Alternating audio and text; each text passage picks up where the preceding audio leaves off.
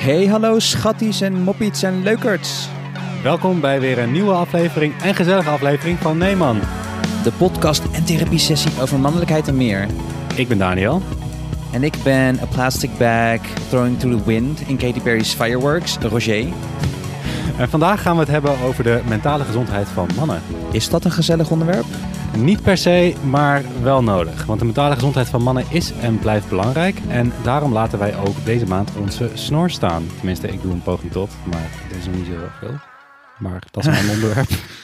Ja, dat is een hele andere podcast. Maar nee, ja, inderdaad. Want het is uh, november. Daar hebben we het in het vorige seizoen, of misschien al twee seizoenen geleden, al uitgebreid over verteld. Net als de mentale gezondheid van mannen. En uh, deze aflevering die heet uh, Dat zit wel snor.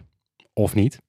En we gaan het niet per se hebben uh, over hoe het met de, met de mentale gezondheid van mannen gesteld is. Want daar hebben we het al uitvoerig over gehad in uh, voorgaande seizoenen.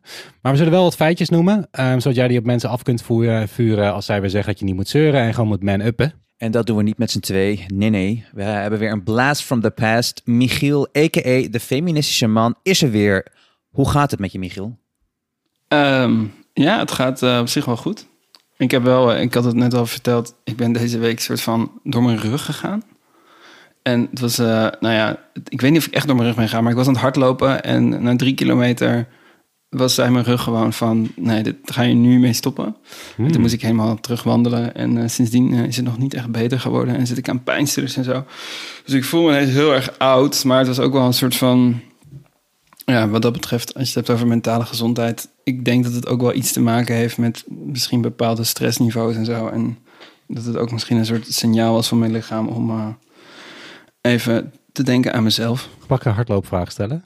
Ja, zeker. Um, waar in je rug heb je, heb je last? Is het in je onderrug, een beetje aan de zijkant? Um, nee, het is meer de bovenrug. Ah. Dus het is eigenlijk net, on, het is wel uh, vooral het link, onder het linker schouderblad. Okay. Net daaronder. Ja. ja. Ik heb zelf wel eens gehad dat ik, dat ik last van mijn onderrug kreeg met hardlopen. En dan bleek dat te komen omdat er een bilspier te strak was. Oh, wauw. Hey, billen. Dat is ook wel een soort compliment tegelijkertijd. Vet strakke billen. ja, nee, maar het was heel raar. Het was, een soort van, het was ook niet, daarom denk ik ook niet dat het door mijn rug aan is. Want dat is meestal als je iets moet tillen en dan is het in je onderrug. Maar het was een soort van binnen een minuut tijd was het echt zo, was ik aan het joggen. En ineens het deed gewoon zoveel pijn. Oh shit. Um, en kon ik gewoon niet meer hardlopen. Ja, heel raar. Dus ik moet even wat hulp gaan zoeken. Ook een goed thema voor vandaag. Dus ik moet even een afspraak gaan maken bij de fysiotherapeut om hier naar te gaan laten kijken. Mijn ervaring is wel dat hulp zoeken voor fysieke klachten altijd wat makkelijker gaat dan voor mentale klachten. Klopt. Ja. Ja. ja. Anyways, laten we beginnen met een, een leuke vraag. Ik had een vraag voor jullie. Nou, wat is uh, jullie ideale self-care? Ja, wie wil? ja. Ik denk, mensen, er, mensen hebben, geen, mensen hebben geen beeld, af, toch? maar jouw blik was echt... Um, Michiel, ik geef, jou, ik geef jou als eerste het woord.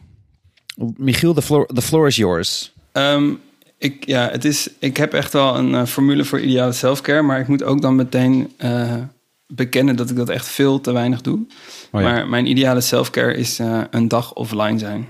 Dat is echt zo nice. Dus gewoon je router eruit uh, trekken uit het uh, stopcontact. En gewoon niet op het internet kunnen en ook niet gaan.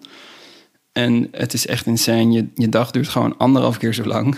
Oh, ja. het is echt... Uh, ja, het is echt waar. Het is, het is echt fantastisch. En ja, als je, dan kun je heerlijk chillen, wandelingen maken, je gaat boeken lezen. Het is ook heel leuk omdat je heel... Um, je wordt heel erg uh, uh, creatief ook bijvoorbeeld, uh, ja, bijvoorbeeld ik een keer toen um, wilde ik, weet ik veel, pannenkoeken maken voor ontbijt of zo op mijn offline dag. En dan normaal gesproken zoek ik toch even snel die verhoudingen gewoon even, ga ik dan googlen. Maar ja, dat kan dan dus niet. Dus dan ga je toch even kijken of je nog een soort van oude receptenboekjes hebt of zo. En dan vind je daar een dingen. Maar dan vond ik ook een hele andere leuke recepten en ben ik dat gaan maken en zo. En uiteindelijk dus heel, was je bezig uh, met de, de ideale pannenkoekformule voor jezelf ontdekken. Ja, nou ja, precies. nou, het, is, het, is echt, uh, het, het, is echt een enorme aanrader. Maar ja, ik moet dus ook bekennen dat ik het dus echt uh, te weinig doe. Of dat ik het dan zo een beetje half doe, weet je wel. En toch van, oh, maar dit moet ik toch echt even opzoeken. Of hier moet ik toch, dit berichtje moet ik toch even beantwoorden. Terwijl als je echt, echt offline gaat en je laat het ook gewoon niet binnen. Dus je, je ziet het ook niet verschijnen en het is er gewoon niet. Dat is echt zalig. is wel herkenbaar voor jou, Rocher, of niet? Want jij hebt ook een, uh, een tijd gehad dat je voor je mentale gezondheid toch een soort in de avond niet op je telefoon ging. Oh, dat was heerlijk. Want dan deed ik om zes uur mijn telefoon uit tot de volgende dag. En echt, Cor live. Gewoon lekker op de bank liggen. En je bent in één keer invested in series. Kijk, je weet wat er daadwerkelijk gebeurt. Je hebt rust in je hoofd. Dingen waarvan ik dacht dat ze niet bestonden. dus ja. nee, dat, dat deed ik ook wel een tijdje, ja. Maar Rocher, wat is jouw uh, ideale vorm van uh, self-care? Long walks on the beach, big dicks en fried chicken. Nee, grapje. Um, sorry. Het was het eerste wat er in me opkwam. Sorry, ik ben een beetje... Het is misschien niet heel gepast, maar ik ben een beetje jodig. Ik moet even, even tot mijn kwetsbare, gekringde ziel zelf komen. Nee, uh, mijn selfcare. Um, ja, eerlijk, ik weet niet zo goed wat mijn echte selfcare is. Ik doe dingen oh. waarvan ik weet dat ze goed zijn voor mezelf. Zoals gezond eten. Tenminste, ik zou gezond moeten eten. Normaal gesproken sport ik ook, maar heb ik ook een maand niet gedaan. Um, wat ik wel nu doe, is s'avonds weer mijn telefoon uitzetten. Niet om zes uur, maar een uurtje acht, half negen. Um, zodat ik in ieder geval de laatste anderhalf uur van het slapen gaan, voor het slapen gaan, even boekje lees, tot rust kom. En nu doe ik ook s ochtends, heb ik nu een week of zo, dat ik het eerste half uur, eerste half uur aan drie kwartier van de ochtend mijn telefoon niet aandoe. Want ik heb zo'n uh, ik heb zo'n hele blauwe lamp. Um, uh, zo'n zo'n lichttherapielamp tegen uh, seasonal depression en shit. Uh, en die, dan moet ik een half uur in het blauw licht kijken. Dus dat doe ik als ik dat ding aan het kijken ben. Dat ding aan het kijken ben, dan um, heb ik mijn telefoon niet aan. Want het helpt ook wel. Maar dit, dit verklaart ook waarom ik nu geen appjes meer van jou krijg om kwart over zes ochtends. Maar dat het nu gewoon op een soort normale tijdstip om half acht of zo. Ja, dat klopt. Want dan is het inderdaad dat. En dan daarna mediteren, hond uitlaten en zo. En dan denk ik van, oké, okay, nu is het wel een christelijk tijdstip om Daniel lastig te vallen. Um, het is altijd een christelijk tijdstip om Daniel lastig te vallen, als je het mij vraagt. Amen. Let the church say amen. amen. Woe. Maar um, nee, ja, verder echt zelf. Ik weet, ik, ik, heb, ik, weet, ik weet het nog steeds niet. Ik weet dat ik veel meer moet disconnecten van het internet. Wil ja. ik echt, echt tot mezelf komen. Maar tegelijkertijd, het is zo fucking verslavend. En um, ja, ik, ik woon alleen. Ik doe veel dingen ook in mezelf, zeg maar in mijn eentje. Als ik dan een keer hele dagen offline ga of zo, dan ben je in één keer weer heel erg alleen. Dat ik denk van, ja, dan moet ik weer gaan participeren in de buitenwereld. Dat vind ik ook weer zo'n ding. Is het internet dan ook een soort copingmechanisme tegen eenzaamheid of zo? Niet zozeer tegen eenzaamheid, maar ik voel me niet per se alleen of eenzaam als ik gewoon toegang heb tot internet. Want je kunt gewoon hele dagen door of met mensen bellen of appen of whatever. Oh Dus je staat wel in een soort van verbinding. Want volgens mij is het ook zo dat ergens neurologisch gezien deels dezelfde delen van ons brein oplichten wanneer we digitaal sociaal contact hebben. Uh, in vergelijking met real life, fysiek offline sociaal contact. Deels, zeg maar, voor zover ik weet, maar dat is ook jaren geleden dat ik zo'n studie daarover heb gelezen. Um, lichten diezelfde dingen op. Dus in dat opzicht verklaart het ook wel waarom we wel kunnen connecten en zo. Ja, ik kan me voorstellen dat er ook gewoon best wel veel gradaties zijn in, in kwalitatief sociaal contact via het internet. Ik bedoel, iemands ja. uh, Instagram story liken is niet, dat is wel een soort sociale interactie, maar dat is natuurlijk wel minder dan uh, gewoon een heel grappig appgesprek hebben met iemand bijvoorbeeld. Ik denk ja, dat dat best wel een echte conversatie kan even naar. Ja. The, the, way I uh, hele dagen door gewoon shit talk met mijn bestie op de app en memes doorstuur en grappige TikToks en shit. Ik bedoel, hele gesprekken. Dus ja, ik denk dat wel uh, offline gaan op zich wel een goede is. Um, ja, verder weet ik het eigenlijk niet zo goed. Ik, ik, hou me er, ik probeer gewoon, ja... Ik ben, ik ben heel, erg, heel erg soms heel erg reactief in het leven. Dus ik weet niet zo goed uh, wat ik verder allemaal self-care chill zou vinden. Ik weet dat ik dat wel zou moeten doen, maar goed. Misschien wel leuk om uit te zoeken. Ja, probeer ik al zes maanden uit te zoeken, maar goed, lukt ook niet helemaal. Hè? En jij, Daniel? Wat is jouw selfcare? Nou, voor mij is het, uh, het is ook wel echt mijn mailbox uitzetten. Want ik kan echt verslaafd zijn aan mijn mailbox. En elke keer krijg ik een soort van kleine dop dopamine boost. Als ik een mailtje krijg van een klant of wat dan ook. Dat er iets gedaan moet worden. Tegelijkertijd er ook een enorme frustratie zit van dat er iets gedaan moet worden. Dus je hebt een soort, je vindt het vet, je vindt het leuk. Maar tegelijkertijd heb je ook een soort van stress, want je moet dingen gaan doen. Dus voor mij werkt het heel goed om mijn mailbox uit te zetten. Maar wat voor mij echt goed werkt, en dat doe ik tegenwoordig echt veel te weinig, is dat um, is muziek maken. En in, uh, in, het, in het maken van podcast, dat is natuurlijk deels creatief werk, maar het is ook gewoon wel echt gewoon werk en gewoon produceren en dingen eruit gooien, zeg maar, zo snel mogelijk. En ehm, ik haal zelf heel veel energie uit dingen doen die, die, die een soort aanspraak doen op je creativiteit. En daar haal ik heel veel energie uit. En vroeger, toen ik nog studeerde, kon ik echt uren op een dag basgitaar spelen. En nu gaat dat wel echt een stuk minder. En als ik dan nu weer eindelijk weer die basgitaar oppak. Hij staat hier gewoon wel gewoon naast me. dat ik gewoon altijd kan pakken. Maar ik doe het veel te weinig. Als ik dan een uurtje heb gespeeld, dan krijg ik daar zoveel energie van. En dan vind ik dat zo leuk. Maar ik doe het ook te weinig. En ik weet, ik weet niet wat het is, want je weet dat je daar heel veel energie van krijgt. En je weet dat je het heel leuk vindt, maar toch ga je het niet doen. Er is een soort van drempel om datgene te gaan doen wat goed voor je is. En ik heb geen idee waardoor dat komt. Zou ik een uh, suggestie mogen doen? Nou. Zou het ermee te maken kunnen hebben dat het niet een, uh, een productiviteitsdoel dient? En dat je het daarom dan niet gaat doen? Het, het werkt geen lijstjes af. Ja, nee, precies. Uh, ja. Dus dan ga je je vrije tijd toch maar opvullen met uh, die klusjes die je nog moet doen en, uh, en, en, dat soort zaken. Die je dan ja. vervolgens uitstelt en gaat doomscrollen en je dan alsnog heel klote voelt. Ja, maar, precies. Um, nee, maar ja, ik denk dat dat wel... Um, want ik herken het muziek echt heel erg. Ik maak ook graag muziek. En ik, ik word er ook super... Dus ik, super vrolijk van. Ik heb, ik heb ook, uh, toen ik in Amsterdam woonde, heb ik zeven jaar heb ik bij een, uh, een zangkoor gezeten. Leuk. Ja, um, shout-out naar het studentenkoor Amsterdam. Koor met een K. Um, heel goed. Heel goed. Hele goede nuance. ik heb mijn zus heel erg op de kast gejaagd toen ik daarbij ging in mijn eerste studiejaar. Dat ik er gebeld en gezegd dat ik bij het Amsterdamse... Uh, en nee, dus het studentenkoor Amsterdam zit. Dus niet Amsterdam studentenkoor. En, en toen was ze heel erg boos op me. En toen uh, heb ik er heel hard, heel hard gelachen. Anyway, um, nee, dus daar was ik elke woensdag was ik daar aan het zingen. En het is een groot koor, 80 mensen of zo. Um, uh, klassieke muziek zingen. En ja, als ik daar een week niet bij was, dan merkte ik dat echt heel erg als een soort dip in mijn, uh, in mijn, uh, in mijn mentale gezondheid ook. En het is ook, het is natuurlijk, als je het hebt over hoe, hoe, hoe de mensheid, denk ik, um, ontspanning heeft gezocht uh, in haar hele menselijke geschiedenis. Ik denk dat bijvoorbeeld samen zingen en zo, dat is een van de alleroudste vormen, denk ik, om dat te doen. En het, er gebeurt echt iets heel bijzonders als je gewoon samen aan het zingen bent, met harmonieën bezig bent, klanken aan het maken bent, en zo'n hele ruimte met geluid aan het, aan het vullen bent. En daar zit zo'n soort van mindfulness, plezier, um, creativiteit inderdaad zit erin. En dat, uh, ja, dat, dat werkt dus ook echt geweldig, vind ik, voor uh, mentale gezondheid. Ja, ja ik heb, ik heb één, één keer in de twee weken dat ik met, uh, met een paar vrienden zit ik, zit ik in een band en we maken onze eigen muziek. En um, als we dan s'avonds spelen en we maken weer wat nieuws met z'n allen en iedereen draagt eraan bij en je creëert iets moois met z'n allen, dat geeft zo'n gevoel van gemeenschap lekker, en ja. energie en ja. ja, daar word je echt heel blij van. Dus, uh, dus dat.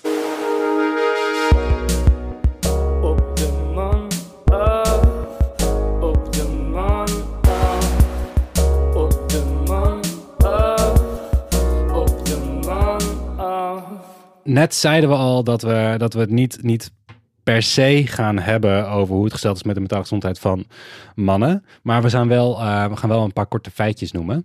Een uh, korte trigger warning. Um, bij de feitjes nu komt heel kort zelfdoding ter sprake.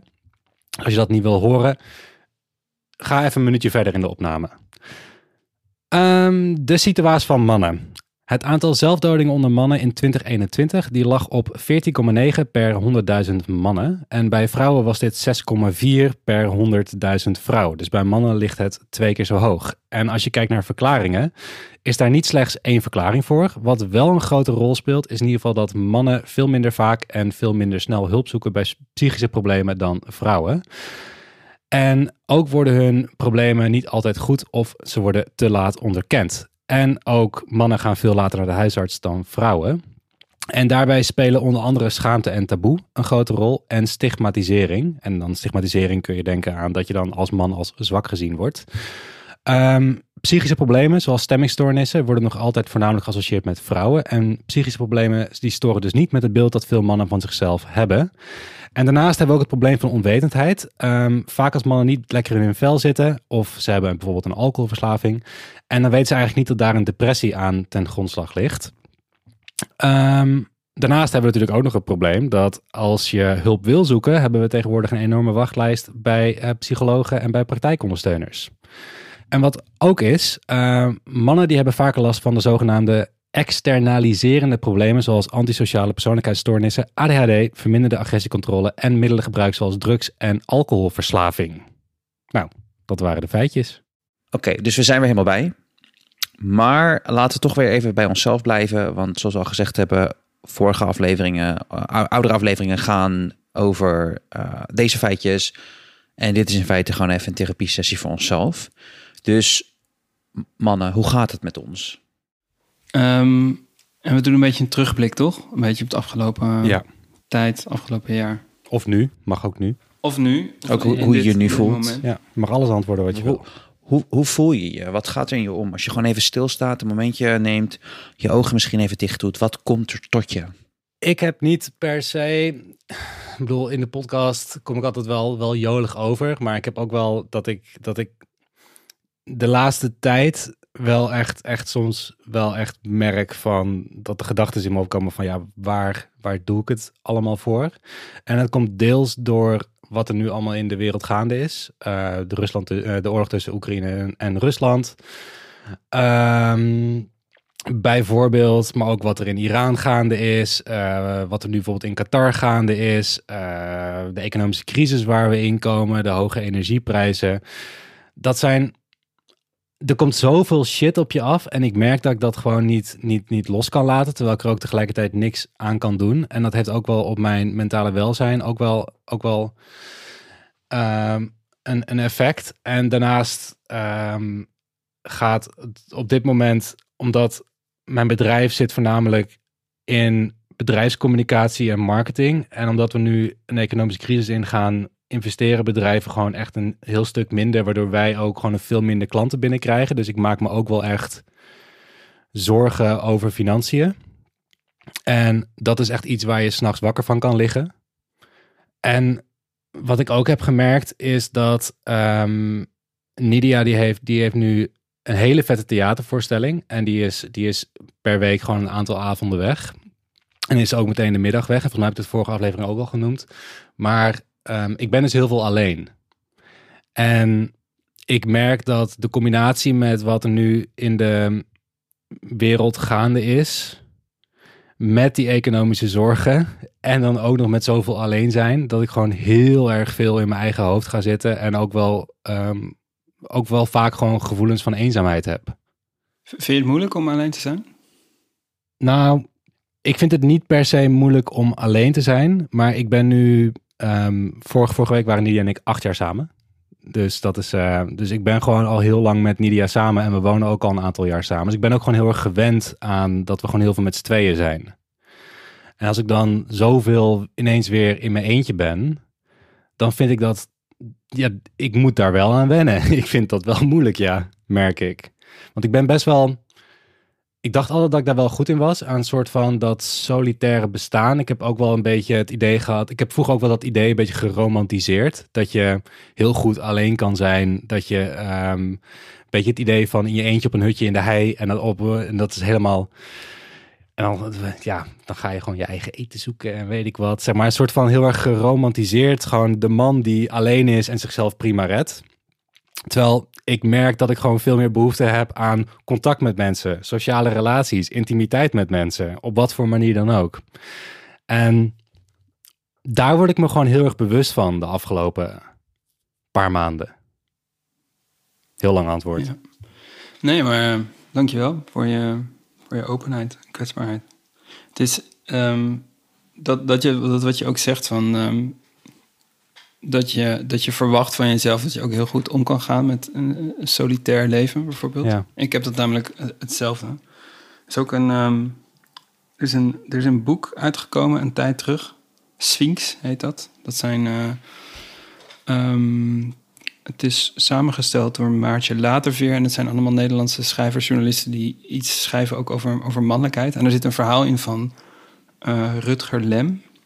Hij heeft onder andere die uh, documentaire What's Left, die laatst is uitgekomen, heeft hij uh, geproduceerd. Oh, ja. Is videoproducent volgens mij. En hij schrijft daar een heel, heel mooi verhaal in, dat precies ook hierover gaat. Dat hij op een gegeven moment heeft hij een, uh, een studio heeft hij in, in, Amsterdam aan een gracht of zo. In de hele bovenste verdieping. Echt zo'n zolderkamertje, maar heel soort van een tof schrijvershok. En hij begint net met schrijven. En uh, hij mag dingen gaan schrijven voor kranten en zo. En nou, hij denkt dat hij het helemaal als zelfstandige ook helemaal voor elkaar heeft. En hij wordt gewoon super depressief daar. Omdat hij gewoon eigenlijk helemaal niet... Ja, die, die, dat idee van hè, ik ben een soort van een, eh, een eenzaam genie die uh, in een torenkamer zit, um, uh, zijn gedachten zit op te schrijven. Dat is gewoon ja, de realiteit ervan. Dat is gewoon heel, ja, erg, ja. heel, erg, heel erg grimmig. En ik, ik herkende dat ook wel echt heel erg. Dat ik ook. Ik merk bijvoorbeeld ook, ik woon ook samen, dus ik, mijn vriendin ook nu um, drie jaar ongeveer. en ik merk gewoon dat ik ook als individu uh, me gelukkiger voel, ook productiever ben en meer gedaan krijg doordat ik soort van samenwonen in die relatie zit. Dus ik heb gewoon heel veel aan, het, aan, het, aan, de, aan, de, aan de voorspelbaarheid, aan de geborgenheid, aan, de, aan, het, aan het ritme dat me dat ook geeft in mijn dagelijks leven. Ehm, waardoor ik dus ook op individueel vlak uh, me veel beter kan ontplooien doordat ik in die relatie zit en in die samen, samenwoon, samenleefsituatie ook zit. Um, terwijl je ja, toch ook een soort van ik weet niet, ook wel uh, ja, in moment heb gehad aan het begin van mijn relatie, was ik zo heel erg bezig van, oh, ik moet echt niet te veel vastzitten. En uh, want dan kan ik niet meer vrij zijn en niet meer mijn eigen ding doen en niet meer zelf ontplooien. Terwijl juist doordat ik vastzit en vastigheid heb, ik juist ook individueel veel meer, ja, veel meer tot mijn recht kan komen of zo. Um, dus ik vind het ook wel mooi dat je dat, dat, je dat deelt. Want ik herken dat ook wel. Ik ben echt helemaal niet zo goed in alleen zijn. En uh, het is ook wel goed om het af en toe wel te doen. En er wel even weer geconfronteerd mee te worden. Met ook dat je... Uh, ja, hoe het is om, om echt alleen te zijn. Um, maar ja, ik word er inderdaad niet, niet per se gelukkiger van. Ik word er ook niet productiever van. Um, maar ja, en het is natuurlijk alleen zijn. En het is natuurlijk niet dat de enige manier om dat te doen is in een relatie en zo zitten. Want je kunt natuurlijk op allerlei manieren kun je inderdaad uh, sociaal zijn en uh, met andere mensen zijn. En wat je zegt, die intimiteit en zo voelen. Ja, precies. Maar uh, het is wel herkenbaar wat je vertelt. Nou, hoe is, hoe is met jullie gesteld? nou, ik wil wel weten van Rocher, want jij, jij moet wel op jezelf natuurlijk. vind, mhm. jij het, vind jij het moeilijk om alleen te zijn? Ik ken niet anders. Ik ben eigenlijk altijd alleen. Ja. Er zijn zelfs heel, zeker met corona, maar echt periodes geweest dat ik gewoon een hele week niet iemand fysiek face-to-face zie. In, in termen van echt vriendschap. Ik bedoel, ik ga wel naar de supermarkt, dus je hebt wel contact, maar goed, dat is zo vluchtig. Ik woon nu al zes jaar alleen. Ik vind, ik vind het fijn alleen te zijn. Ik kon, het lukte me nooit om met huisgenoten te wonen, omdat ik, ik thuis ben ik een heel ander persoon dan buitenshuis. Thuis is echt mijn innerlijke space of zo. Dus vind ik het heel lastig om daar iemand in toe te laten. Sowieso vind ik het heel lastig om mensen echt, echt toe te laten. Uh, want blijkbaar heb ik echt, uh, is, heb ik zeg maar een soort van vijf keer de Chinese muur mee heen hebben, emotioneel gezien. Um, dus nee, ik vind het niet moeilijk alleen te zijn. Kan het ook prima. Ik heb mezelf echt aangeleerd soms slaat het wel, niet ik zou niet zeggen dat het doorslaat, maar soms heb ik wel momenten dat ik me ook echt emotioneel alleen voel. Oh ja. Dat aan het eind van de dag, want jullie hebben, ik, want jullie zeggen, snap ik heel goed, uh, Michiel, ja, ook wat je zegt, dat het juist jou lukt om je te ontplooien, omdat je at the end of the day terug kan gaan naar een soort veiligheid, een soort veilige thuishaven, een soort station, mm. een soort basis. Ehm, dat heb ik niet. Ik bedoel, ik heb mijn eigen huis en dat is heel fijn, maar daar zit niemand te wachten. En soms voel ik me dan ook echt alleen alleen. Dat ik denk bij mezelf, ja, ik, ik heb vrienden en ik kan het heel goed vinden met mensen. En dat is meer op zo'n moment zit je dan heel erg in je hoofd, hè? Ja. Dat ik, bij, dat ik dan denk van, ik, ik ben niet iemand anders nummer één persoon. Zeg maar, want hoe je, hoe je het went of keert, we hebben allemaal, die wil geen rangorde maken in je vrienden, maar je hebt vrienden waar je misschien meer, of mensen in je leven, je hebt mensen waar je misschien meer close mee bent, minder. Maar als ik jullie nu vraag van, als er iets aan de hand is, wat, wie is de eerste persoon waar je naartoe gaat? Of die in je opkomt om naartoe te gaan? Dan komt iemand in je op. Ja. Uh, en ik heb ook mensen die bij mij in me opkomen. Maar op zulke momenten vraag ik me dan af, zou ik in iemand anders hoofd opkomen? Uh, als zeg maar that person. En dat is meer, ja. dat, zo zit je gewoon, soms twijfel je daaraan en dan... Uh, en ik heb mezelf gewoon heel erg aangeleerd om daaraan te wennen, aan dat alleen zijn en dat soort van hyper-individuele. Um, en als ik het internet mag geloven, of uh, al die Instagram-psychologen en whatnot, is dat een soort trauma-respons of zo? Ik heb geen idee. Uh, maar het is echt een soort hyper-individualistische, wat ik mezelf heb aangeleerd, terwijl ik juist heel een gevoel van community, een gevoel van niet alleen zijn, een gevoel van verbinding vind ik heel belangrijk. Als ik bijvoorbeeld iets op tv zie voorbij zie komen of een hele mooie scène waarbij een gemeenschap echt de schouders eronder zet en met z'n allen samen iets doet en echt verbondenheid voelt. Nou ja, tranen in mijn ogen, echt meteen. Um, dus ik vind dat altijd heel erg belangrijk. Mag ik wat vragen over wat je net zei over um, of andere mensen ook zo over jou denken? Heeft dat ook, want op Instagram had je deze week iets gepost over um, het idee van waardevol zijn. Ja. Hangt dat daarmee samen? Zou je kort kunnen toelichten uh, wat je daarmee bedoelde? Zal ik anders dat gewoon nu even voordragen ja, wat ja, ik maar. heb gedeeld? Ja. En dan, um, dat, was een, dat was een momentje van kwetsbaarheid. En het grappige is, ik heb dat, ik heb dat geschreven toen ik brak was. Um, wat je vandaag ook een beetje, bent, toch? ik, ik, vandaag ben ik een heel klein beetje brak, maar vorige week was ik echt brak brak. um, maar de context erbij is, uh, de bredere context is, ik ben dit jaar heel erg bezig met mentale gezondheid. Ik zit ook in therapie, krijg, ik begin ook een therapietraject meer gerelateerd aan echt tot in de kern emoties voelen.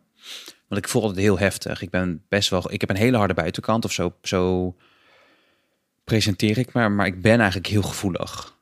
Um, is dat die Chinese en... muur waar je het net over had? Die harde buitenkant? Ja, ja, ja dat is de, de, de, de, de vijf, vijf, vijfdelige Chinese muur die om me heen zit. Dat is de harde buitenkant. Uh, dat heb ik ook wel zo moeten leren. Maar ik ben heel gevoelig. En uh, in therapie leer ik daar dus meer over. En ook dat ik blijkbaar echt...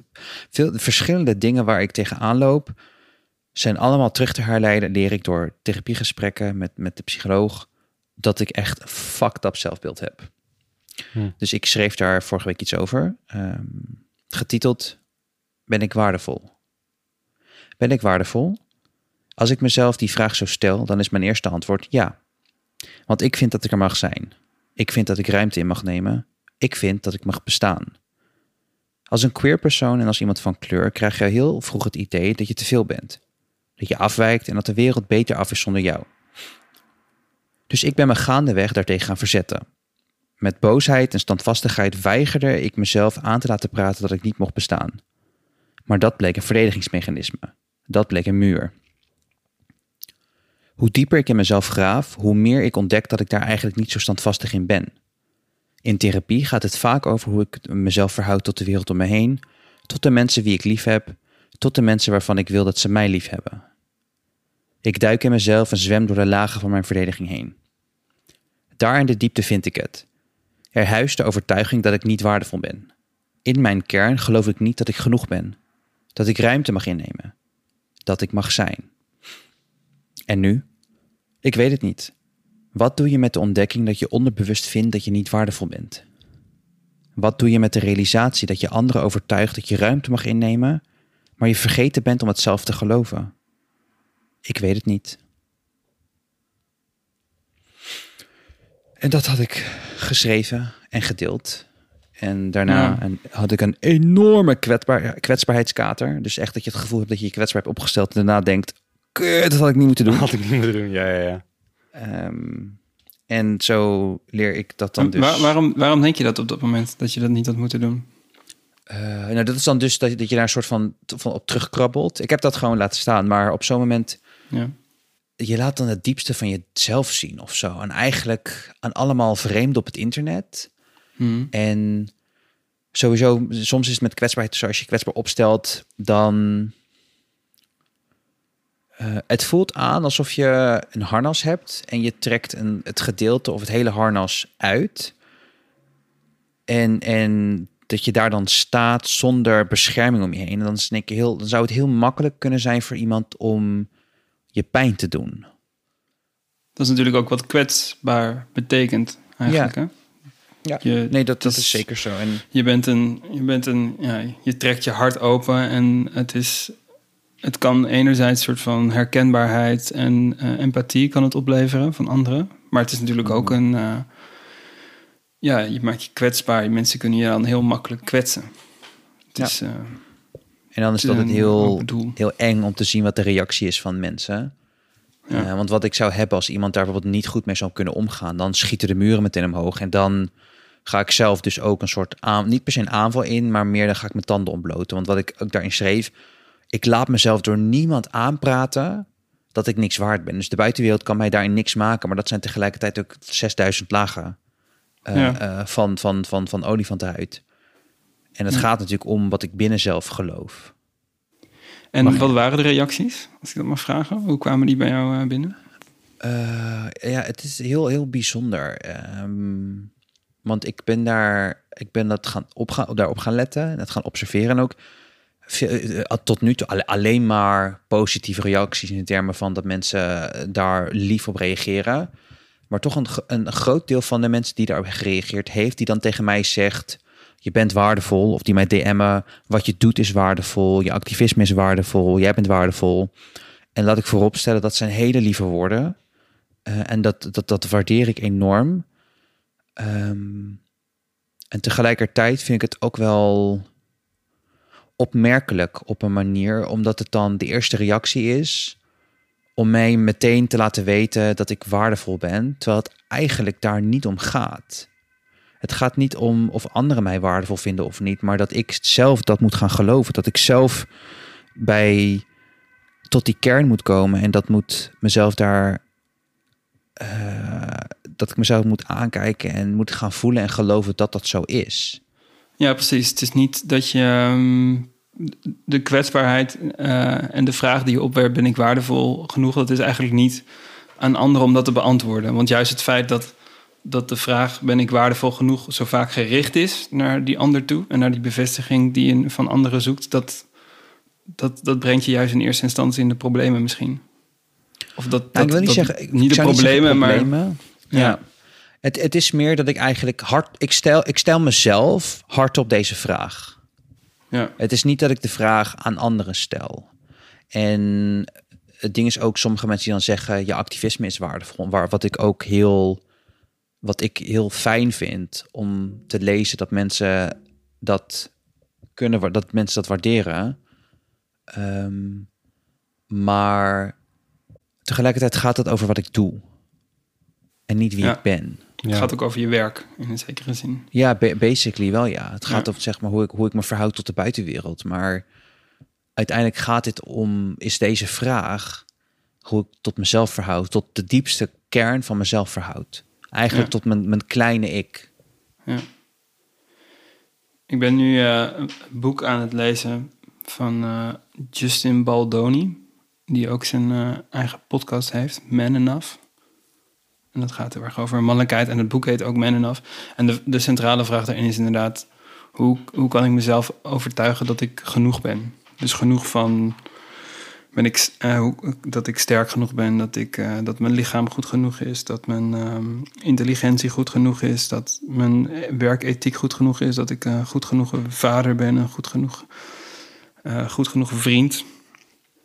En ehm, ja, dat, dat gaat eigenlijk heel erg over dat hij dat altijd, die, die verwachtingen geïnternaliseerd heeft, dat andere mensen een soort van die bevestiging moeten geven, in plaats van dat hij gewoon vanuit zichzelf vindt dat het, dat het genoeg is. En dat, ja, dat zijn hele zijn dat dat genoeg is. En dat dat niet eh, onderhevig steeds moet zijn aan een soort van externe kwaliteitseisen. Van eh, je moet wel eh, zoveel uren per week gewerkt hebben. Of je moet wel zoveel geld hebben verdiend. Of zoveel ehm, eh, vrienden hebben gemaakt. Of, eh, of dat soort zaken.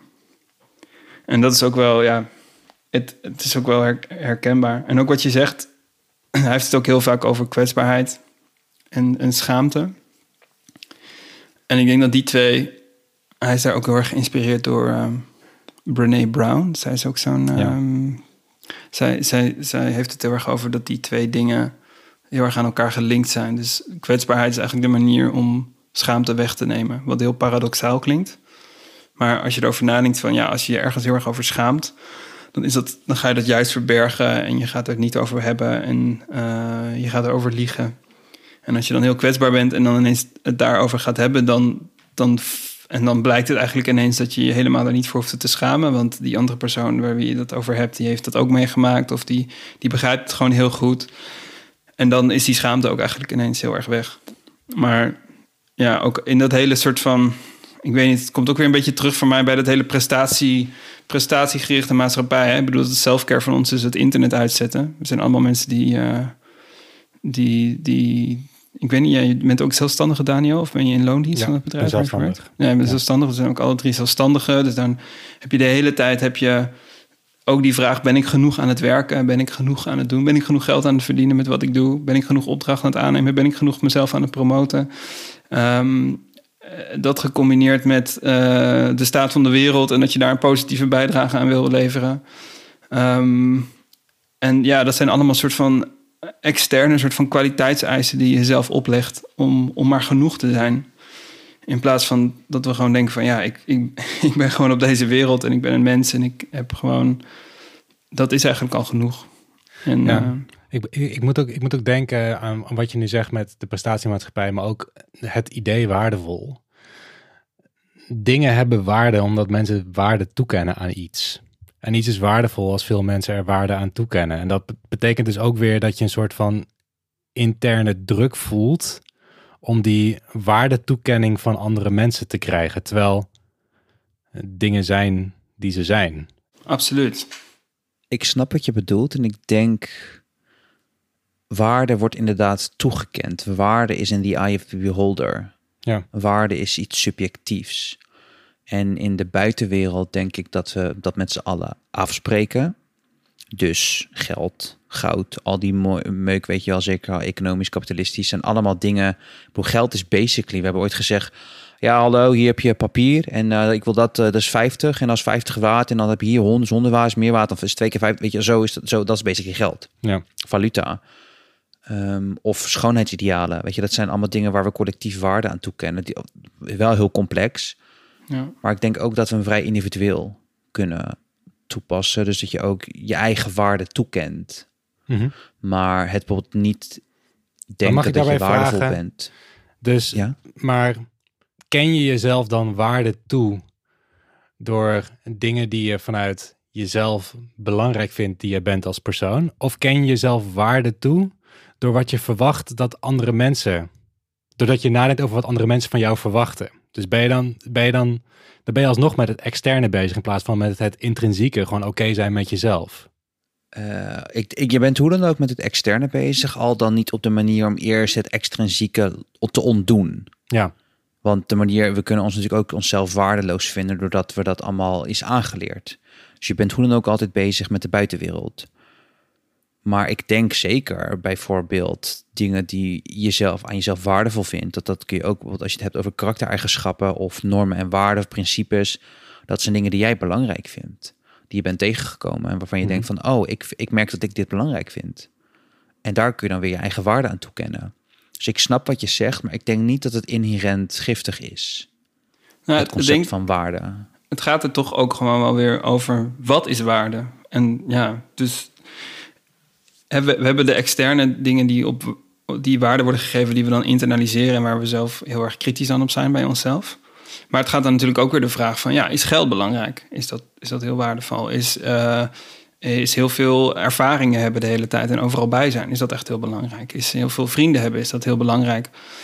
Um, of veel mensen kennen? Uh, is veel werk doen of aannemen of, of daarmee bezig te zijn of heel veel zichtbaar te zijn als activist? Is dat heel belangrijk? Ja, of gaat het meer over eh, wat, wat, is, wat zijn andere vormen van waarde? En wat zijn de waarden waar misschien de, de, maatschappij niet zo mee bezig is om, om een individu daarop te beoordelen, maar die voor jezelf wel veel waarde zijn?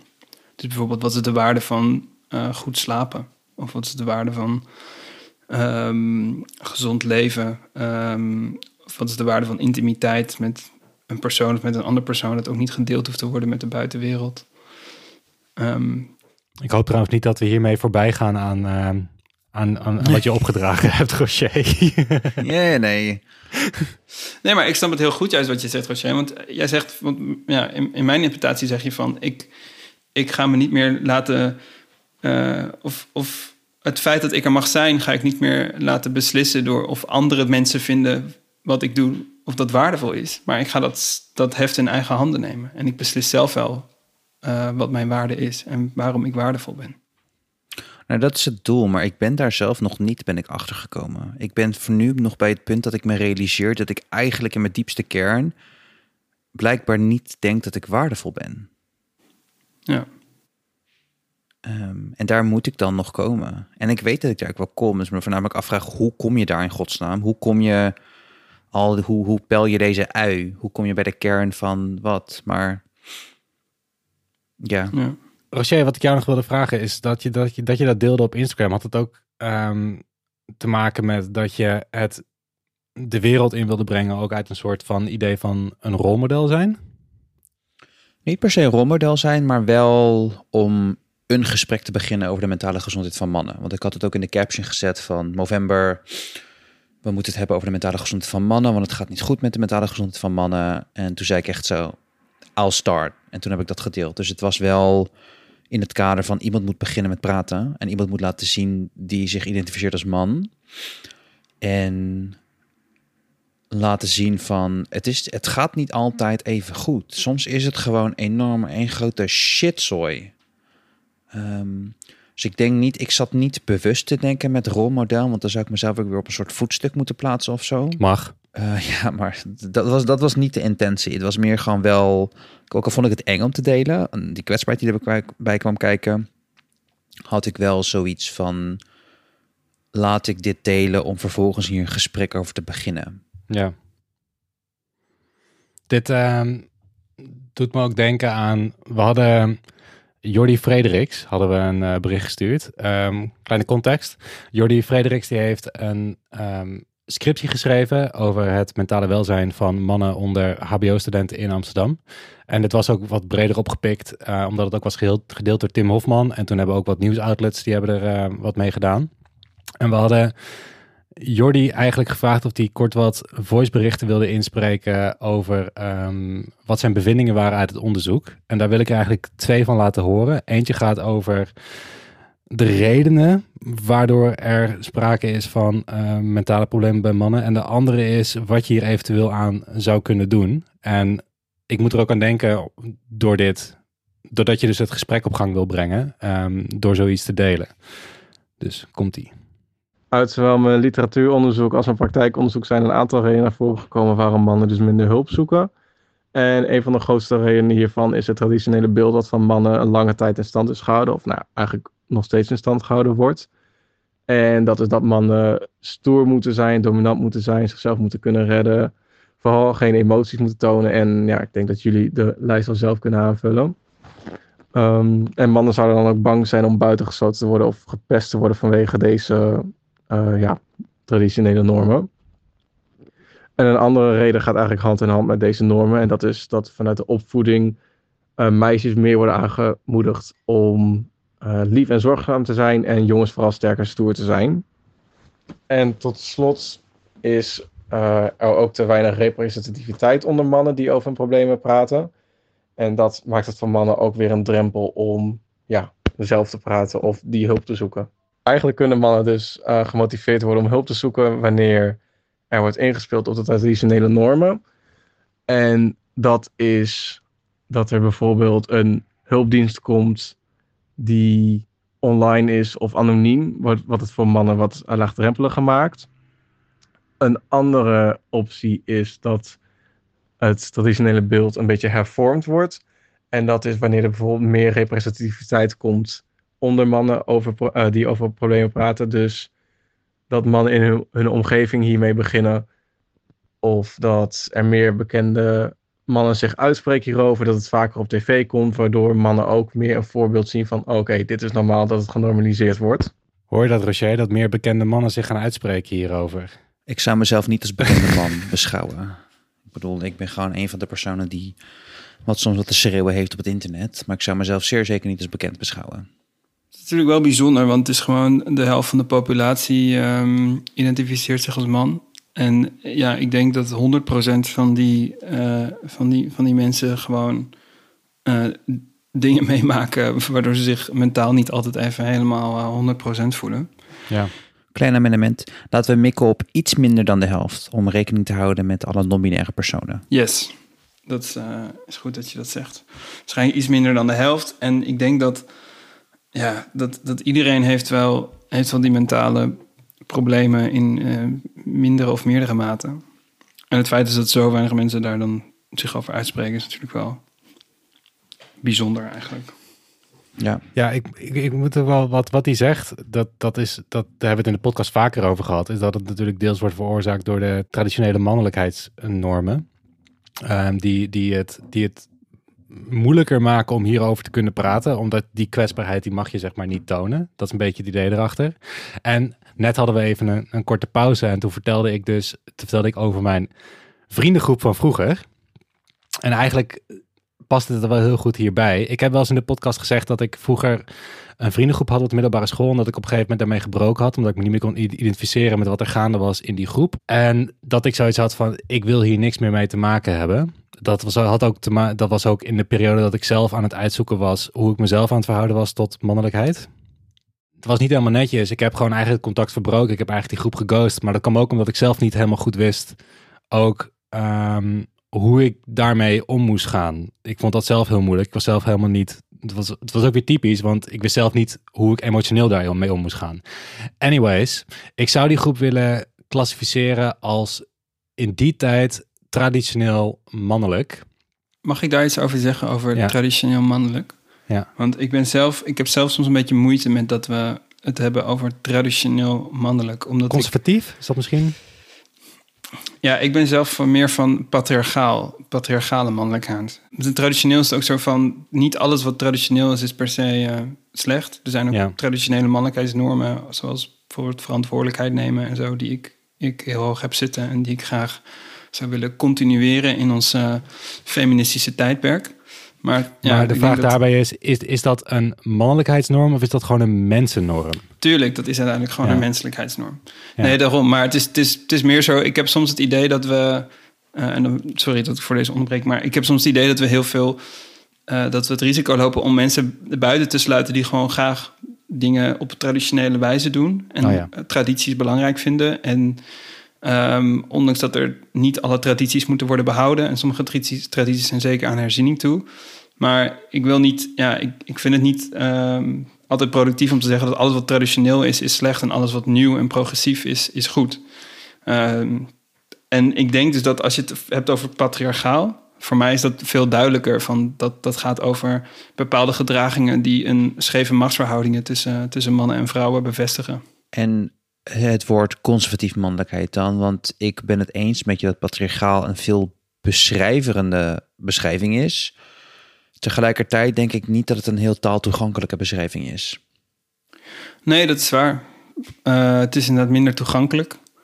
Maar ja, ik, ja, ergens denk ik dan van ja, het is juist goed dat we het erover gaan hebben. En dat mensen, meer mensen gaan begrijpen wat een patriarchaat dan eigenlijk is. Dat dat wat meer een deel wordt van het gemeenschappelijk vocabulaire. Want als we het de hele tijd gaan vervangen met woorden die ook automatisch weer mensen een soort van buitensluiten. Omdat als iemand zich als conservatief identificeert en je zegt we moeten uh, conservatieve mannelijkheid moeten we de deur uitgooien. Dan heb je die persoon ook meteen een soort van buitengesloten daarmee. Terwijl ik denk dat ook iemand die zich als conservatief uh, identificeert en als, zelfs als politieke keuze dat heeft, dat die ook nog steeds kritiek kan hebben op patriarchale mannelijkheid. Nou, op zich wel een interessante discussie om over te hebben, maar misschien doorgaan op Daniels verhaal. Daniels verhaal. okay, van, van zijn vriendengroep. ik ga weer even terug naar mijn groep. Die was gevormd door bepaalde patriarchale normen en daardoor meer patriarchaal mannelijk was. Laten we het zo, zo noemen. Um, maar wat daar dus is gebeurd, is dat er dus in die groep is er ook een shift gaande geweest, waarbij uh, mensen tegen dingen aangelopen zijn ook overspannen zijn geweest. En daardoor er veel meer in gesprek is gekomen over mentale welzijn. Dat ook die groep dus is veranderd. En ik ook die mensen dus nu weer zie. En dat doet me denken aan wat um, Jordi ook zegt, is dat het ook vooral echt erom gaat dat ook mannen met elkaar hierover gaan praten. Want daar, die groep is voor mij echt het voorbeeld dat dat werkt. Nou, maar dat is mooi, omdat, omdat dus bepaalde mensen uit die groep ineens kwetsbaar konden zijn. En dat andere mensen ook die kwetsbaarheid binnen die groep uh, met empathie konden beantwoorden. Werd er eigenlijk ineens een ruimte opengemaakt om uh, niet de hele tijd heel patriarchaal met elkaar om te gaan. Ja. Om het maar zo te zeggen. Nou, hadden jullie nog een reactie op uh, Jordische fragment?